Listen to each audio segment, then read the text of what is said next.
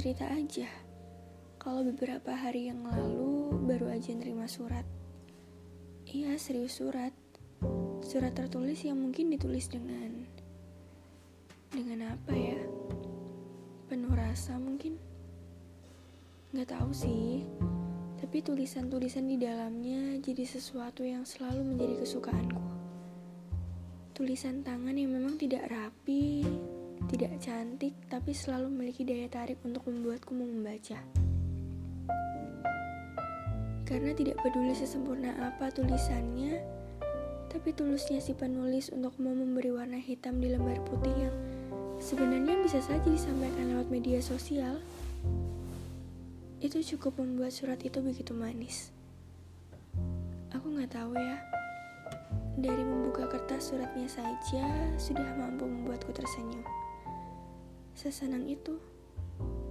Aku memang tidak terlalu gemar membaca. Tapi aku selalu menyukai surat. Namun cukup membuatku heran melihat sebagian besar isinya merupakan permintaan maaf. Banyak sekali maaf. Maaf jika telah mengukir luka.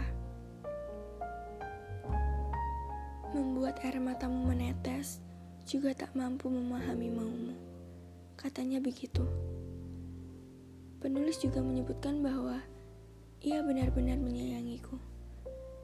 Dia berkata lewat suratnya, dia sadar dia bukanlah orang yang sempurna. Hanya bisa membuatku marah, sedih, juga kecewa. Bahkan katanya jarang sekali menciptakan bahagia, tapi dia ingin aku bahagia. Tanpa dia ketahui sebenarnya dia jauh dari sempurna. Lebih dari sempurna manusia tiba-tiba yang selalu membawa bahagia tanpa rencana. Aku terlalu menyayanginya hingga lupa untuk membenci kelakuan nakalnya. Aku memang tidak di sini, tapi aku tidak pergi. Hubungan yang terlalu sebentar itu punya kenangan indah untuk sekadar diabadikan lewat kamera atau ditulis sebagai cerita. Dari yang nonton konser musik sambil hujan-hujan dan berantem dulu sampai baikan-baikan sendiri juga acara agama yang bikin aku sama dia dapat peran utama sebuah drama. Atau pembahasan dengan materi masa depan di sebuah kafe. Dia selalu jadi lebih baik dan akan terus jadi baik.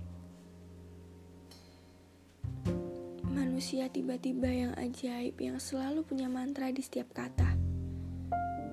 Yang sekarang berubah menjadi manusia paling banyak bicara. Sebenarnya dia sudah banyak bicara, tapi entah sepertinya intensitas bicaranya bertambah pesat. Selalu punya banyak pertanyaan yang bahkan belum sempat aku jawab tapi sudah ditanya dengan pertanyaan lain. Iya bayangin aja gimana gak bingung.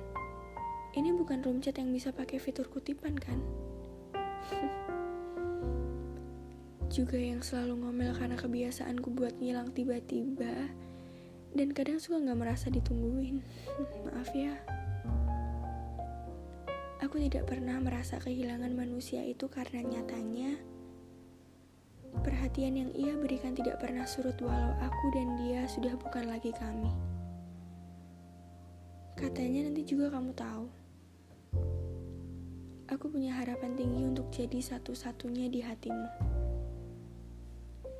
Lalu suratnya berakhir.